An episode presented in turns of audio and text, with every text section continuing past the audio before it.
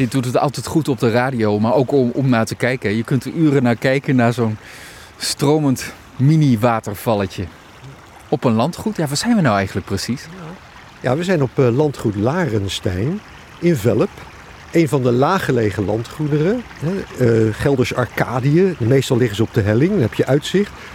Maar deze ligt eh, laag, net als eh Presikhaaf, was ook een landgoed. Ommershof. Eh, wat heb je nog meer? Nou, eh, een hele serie ligt eh, laag en een aantal liggen hoog.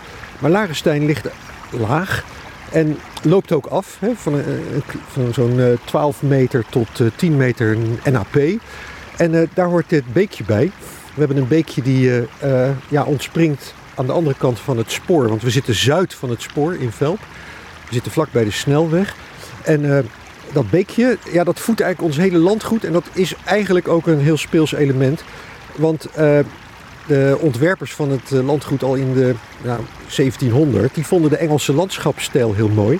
En die hebben die beek allemaal laten meanderen door het landgoed. Echt een prachtig eh, gezicht. En dat gaat eigenlijk van, ja, van de, eens even kijken, de noordkant tot de zuidkant... is het water overal te volgen. Ja, ik word er altijd heel blij van. Ja, dat snap ik wel. Als ik denk aan Larenstein, dan denk ik aan Van Hal Larenstein, de hogeschool.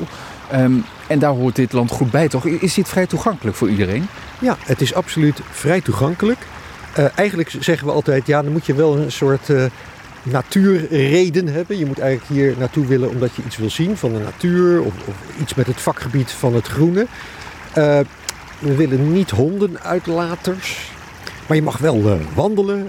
Je zou ook een rondje kunnen hardlopen. We lopen een klein beetje weg met het kabbelende water. En dan bevinden we ons op de radio ineens in een totaal andere wereld. Een beetje de wereld van de winterrust. Want dat is de periode waar ik met jou naartoe wil. Want ja, als je het hebt over winterrust, eh, begin december, dit is de tijd toch? Nu gaat het gebeuren. Het gaat absoluut gebeuren. We hebben al de eerste klappen van de vorst gehad. En die kla- Klapjes, hè? Klapjes, hè? Klapjes. Daar ben-. Ik ben bijna onderuit gegaan, kan ik zeggen, op de Oh. dijk. Ja, daar was volgens mij nog niet goed afgestemd. Dat, dat Het is het bijna een gigantische klap. Ja, bijna. Ja. ja. Maar eh, ja, op het landgoed is het al te zien. We hebben een, eh, eh, een moerbeiboom. En dat, dat moerbei is natuurlijk gewoon een, eh, een boom die uit China komt en wa- waar de zijderupsen op gevoed worden. En die moerbeiboom die stond alsmaar groen te pronken terwijl de rest al zijn blaadjes liet vallen. Tot deze week ineens de vorst was en lagen ongeveer alle bladeren in één nacht pats op de grond. Nou, Liggen ze ik- daar nou nog steeds dan? Ja, ongetwijfeld. Die liggen nog op de grond, die bladeren. Of Die zijn ze al weggeblazen hier? Nee, die, die liggen nog allemaal op de grond. Waar is Eh, die boom? Kunnen we gaan kijken? Ja, we kunnen gaan kijken. We moeten wel een eentje lopen. We moeten we naar de, dat heet dus assortimentstuin. Oké, nou gaan we die kant ja, op. doen we. Langs het beekje. En langs een hele mooie vijver waar je echt zo kan turen in het water. En daaromheen staan, eh, ja dat noemen ze, eh kijk, moer, moerascypres. Die hebben nou al hun takjes laten vallen. Maar het was eigenlijk een soort roodbruine kathedraal van eh, naalden. En wat heel bijzonder is aan die bomen, dat ze luchtwortels hebben. Dus ze hebben knobbels tegen de waterkant daar beneden. Eh, en die gebruiken ze eigenlijk als een extra ja, zuurstof eh, inlaatpunt. Heel raar. Dus de, de boom staat op een paar meter afstand van zijn eigen knobbels. Zie je die daar? Welke zijn het? Dat zijn die knobbels daar beneden. Echt, echt aan de Hier, waterkant? Hier, dit, dit zijn de Oh, hele bijzondere knobbels.